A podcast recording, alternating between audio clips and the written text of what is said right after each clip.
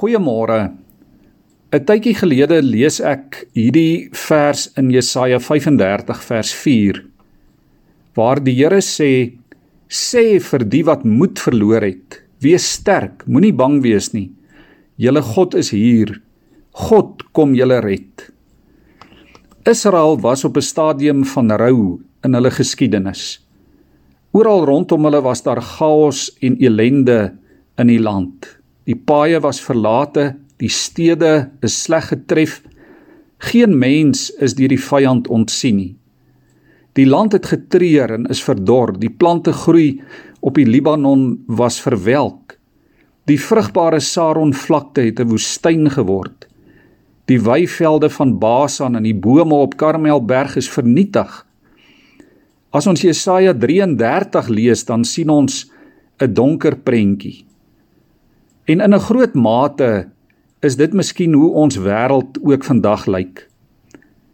Oor hierdie beeld van totale verwoesting kom die Here en hy kom sê vir sy volk: Ek gaan nou ingryp en ek gaan die onreg beëindig.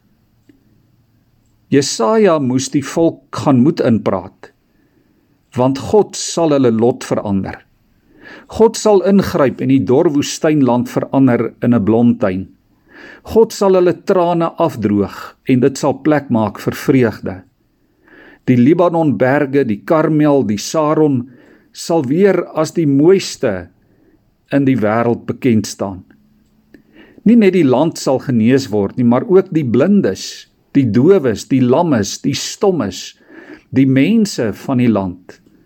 Ja, die volk wat deur pyn van verskrikking gaan, word op hierdie manier bemoedig. Wees sterk, moenie bang wees nie. Julle God is hier. Liewe vriende, dalk sit jy vanmôre op moedverlose vlakte. Miskien huil jy ook onbedaarlik as gevolg van chaos en elende in jou eie lewe dalk.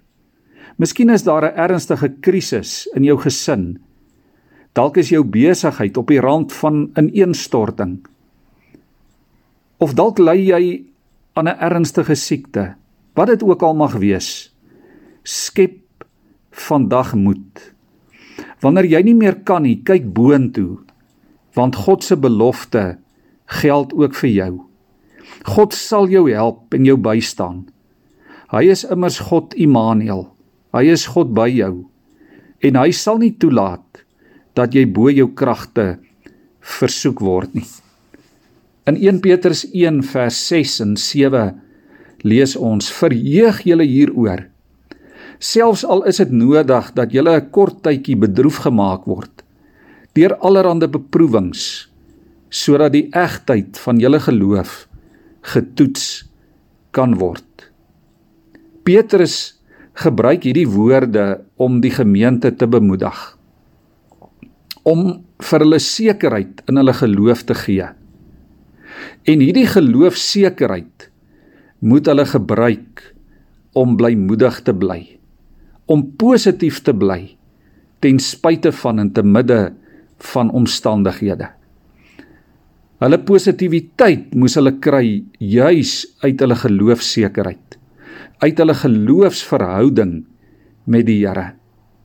Ons moet vanmôre onthou, beproewing en swaar kry is van korte duur. En dit kan nie vergelyk word met die ewige heerlikheid wat daar vir God se kinders wag nie. Jy moet beproewing sien as 'n toets, as 'n versterking van jou geloof. Dis soos goud wat in vuur gelouter word. Petrus sê jou geloof is baie kosbaarder as goud. Jou swaar kry is eintlik 'n toets vir die egtheid van jou geloof. Kom ons kyk met 'n geloofsoog na ons omstandighede. Nee, kom ons kyk met 'n geloofsoog verby ons omstandighede. Kom ons sien vir God raak en kom ons groei nader aan God. Ons buig ons hoofde in gebed voor hom. Here, dankie dat ons vanmôre aan die begin van 'n nuwe dag so duidelik kan hoor die Here God kom om jou te red. Dankie Here dat ons kan bly wees ten spyte van en te midde van omstandighede. Dankie Here dat ons as gelowiges kan weet dat ongeag probleme of teëspoed of teenkanting of terugslag of krisisse van die lewe, siekte, onsekerheid oor die toekoms, ons veilig kan wees in U. Here help ons om so te glo. Help ons om so te bly vertrou. Kom versterk ons geloof, Here, deur U Gees en deur U woord. Kom maak ons bewus daarvan dat U by ons is. Ja, laat ons met 'n geloofsoog, Here, verby ons omstandighede kyk.